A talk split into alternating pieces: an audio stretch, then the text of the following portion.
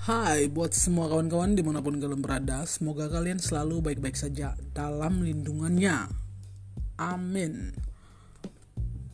Oke langsung saja saya akan memperkenalkan diri saya. Nama saya Edelvina Putri Saya biasa dipanggil Puput. Di sini saya akan menceritakan sebuah cerita lucu.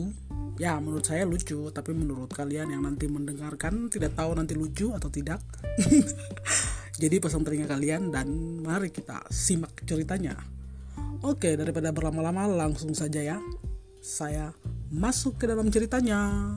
Check it out.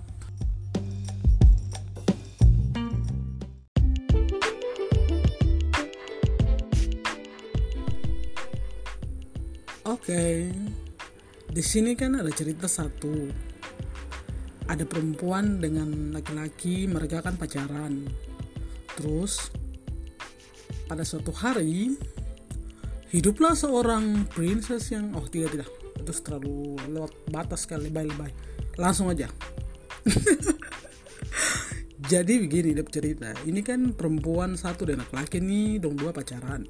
Tapi dua LDR jadi mungkin perempuan ini rindu sama pacarnya makanya langsung dia telepon dia punya pacar. Terus perempuan selak kasih keluar kata-kata kan dari dia mulut perempuan dia bilang begini oke langsung aja kamu dengar kata-kata dia bilang sama dia pacar begini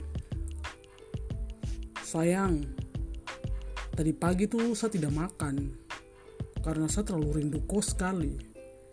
Siang juga saya tidak makan karena saya tinggal pikir-pikir kau terus. Dan malamnya saya tidak bisa tidur karena saya kelaparan. Dia bilang begitu oke lanjut saja. Terus dia bilang lagi tapi tidak apa-apa sayang. Walaupun jarak kita bagai matahari dan planet Pluto saat epelium tenang saja sayang. Amplitudo gelombang kupu hati tuh dia selalu berintervensi dengan sapu hati. Perempuan bilang begitu kak